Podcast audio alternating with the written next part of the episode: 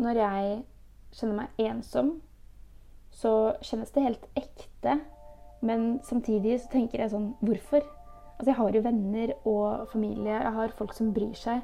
Men allikevel så kan de følelsene dukke opp, da. For det er akkurat som jeg setter skylapper på og ikke ser eh, de gode folkene jeg har rundt meg. Jeg tenker jo kanskje at jeg er litt utakknemlig. Dette er Rebekka på 22 år, opprinnelig fra Haugesund. Hun studerer kybernetikk og elektronikk i Toulouse i Frankrike. Hun er også leder for studentutvalget i Tekna. Jeg hadde klassiske forventninger om en fantastisk studietid. Det skulle bli supergøy, jeg skulle få masse nye venner, og det skulle bli så spennende med nytt land og kultur. Nå er Rebekka tilbake i Norge for å være leder for Tekna-studentene i ett år, mens hun tar flere fag på Universitetet i Oslo. Hun beskriver studiehverdagen i Frankrike som intens og spennende, men ikke bare lett. Forventningene mine til studietiden ble både innfritt og samtidig ikke. I den første tiden så var vi alle norske samlet i én klasse, så norske venner det fikk jeg meg raskt. Men så ble vi miksa sammen med de franske, og som eneste nordmann i en fransk klasse, så kjente jeg meg ofte litt utenfor og ensom. Det tok jo tid å lære bra fransk. Jeg skjønte jo liksom bare 30% av det som ble sagt i begynnelsen.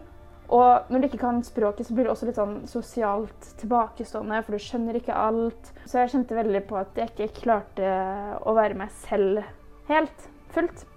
Du lytter til Mestringspodden fra Tekna. Her løfter vi tema innen psykisk helse for studenter. I dagens episode skal det handle om ensomhet. I tillegg til Rebekka får vi høre fra psykolog Karina Kahl. Mitt navn er Kenneth Stubøg Karlsen. Vi må skille mellom det å være ensom og det å være alene. Carl er opptatt av hvordan og hvorfor ensomhet har blitt en av vår tids store utfordringer. Ensomhet er vår tids epidemi, paradoksalt nok i tilgjengelighetens tid. Du kan sende gruppemelding til alle du kjenner i løpet av sekunder, og likevel sitte med følelsen av at du er alene i verden. Det handler ikke om hvor mange du har rundt deg, men om en subjektiv opplevelse av å være alene. I noen tilfeller har man faktisk ingen, men for de aller fleste handler det mer om opplevelsen av å være helt alene, enn at det faktisk er tilfellet. Noen kan kjenne på dårlig samvittighet over å føle seg alene, tross å ha venner. Men dette handler ikke om ikke å verdsette de man faktisk har. Carl peker også på effekten av sosiale medier. Vi glemmer at det vi ser i andres liv i sosiale medier, kun er en brøkdel, og ikke representerer hvordan andre faktisk har det i livet sitt. Hjernen vår fungerer sånn at vi ser det vi tror vi ser. Så når du ser andres fester og vellykkethet på Instagram, tror du at de kun har det sånn, og ikke at de har problemer og utfordringer som kanskje du også kjenner på. Du sammenligner deres suksess med dine feil og bedriver såkalt negativ sammenligning. Hjernen er med andre ord ikke alltid din beste venn. Det er viktig at vi forstår hvordan hjernen fungerer for å kunne ha en kritisk distanse til egne tanker og følelser. Men hvordan oppstår følelsen av ensomhet når man i praksis ikke er alene? Vi mennesker er flokkdyr. Vi trenger å høre til for å overleve. Men vi lever i en individ- og prestasjonsorientert tid.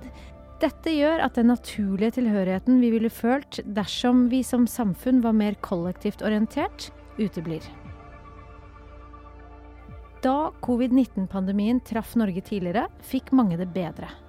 Dette fordi mange opplevde en pause fra det individ- og prestasjonsorienterte, og et fokus på fellesskapet. Vi måtte forholde oss til noe som både var større og viktigere enn oss selv. Alle sto i det samme, alle hadde det likt, og plutselig ble det lettere å få naturlig tilhørighet. Alle kjente på det samme. Men for de som ikke har opplevd ensomhet, hva slags følelse er det, og kan man kjenne den igjen på noen måte? Det kan være smertefullt, pinlig, og følges av tanken om hva vil andre tro om meg? Ensomhet kjennes bare trist ut.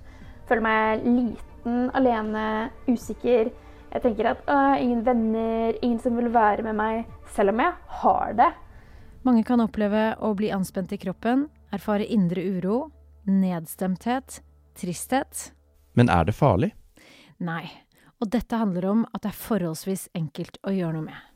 Medisinen mot ensomhet skal vi snart komme tilbake til. Men er det slik at studenter er spesielt utsatt? Det vil jeg si. Dette fordi studenter er i en sårbar fase i livet. De skal ut av de faste rammene, ut i voksenlivet, og har ofte flyttet til et nytt sted og tatt viktige valg for fremtiden.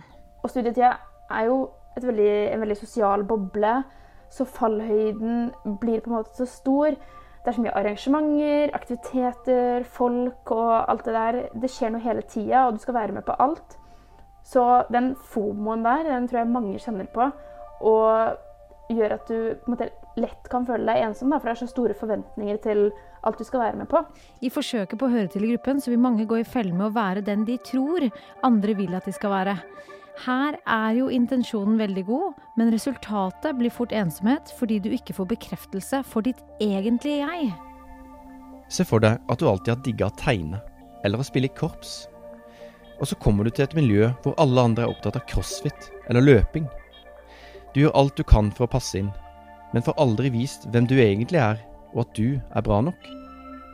Det handler ikke alltid om at man gjør seg, gjør seg til eller gjør seg annerledes bevisst, men kanskje kan vi alle være litt mer bevisste på hva vi viser av oss selv til andre. Istedenfor å tenke på hvordan du kan være mest mulig lik det andre, kanskje du heller kan tenke på hva kan jeg bidra med her? Se på naturen f.eks. Det er ikke bare grantrær. Skogen er en fin metafor. Men hva er det egentlig som hjelper? Finnes det en medisin mot ensomhet? Det er dessverre, og heldigvis, bare du som kan gjøre noe med din opplevelse av ensomhet. Du må tørre å gjøre deg synlig, du må ta initiativ, og du må vise den du er. Det er så få som tør å si at man er ensom. For du blir jo skikkelig sårbar om du sier det. Eh, så det er så lite åpenhet om det. Først må vi akseptere at vi ikke har noen garantier for at livet går på skinner. Vi må tørre å risikere å få et nei for å oppleve et ja. Kanskje er det en idé å snu fokuset fra hva du er redd for, til hva som er viktig for deg. Vit at løsningen ikke nødvendigvis ligger i flest mulig venner og likes på Instagram. Det du trenger, er noen få nære venner, kanskje egentlig bare én.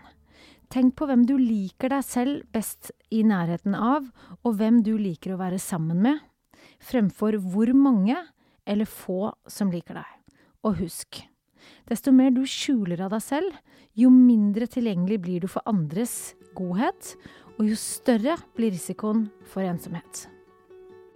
Det verste med denne ensomheten er vel at det er uforklarlig, i hvert fall for min del. Det er, det er, så rart. Jeg har skikkelig lyst på et svar på hvorfor jeg kan føle meg ensom når jeg vet at jeg har gode venner og folk rundt meg. Det er sagt mye klokt om ensomhet, men eh, et av de klokeste sitatene jeg har lest, er at på dialekt, da, og det kan ikke jeg gjengi, men ensomhet handler om å ikke kunne snakke om det som er viktig for en selv.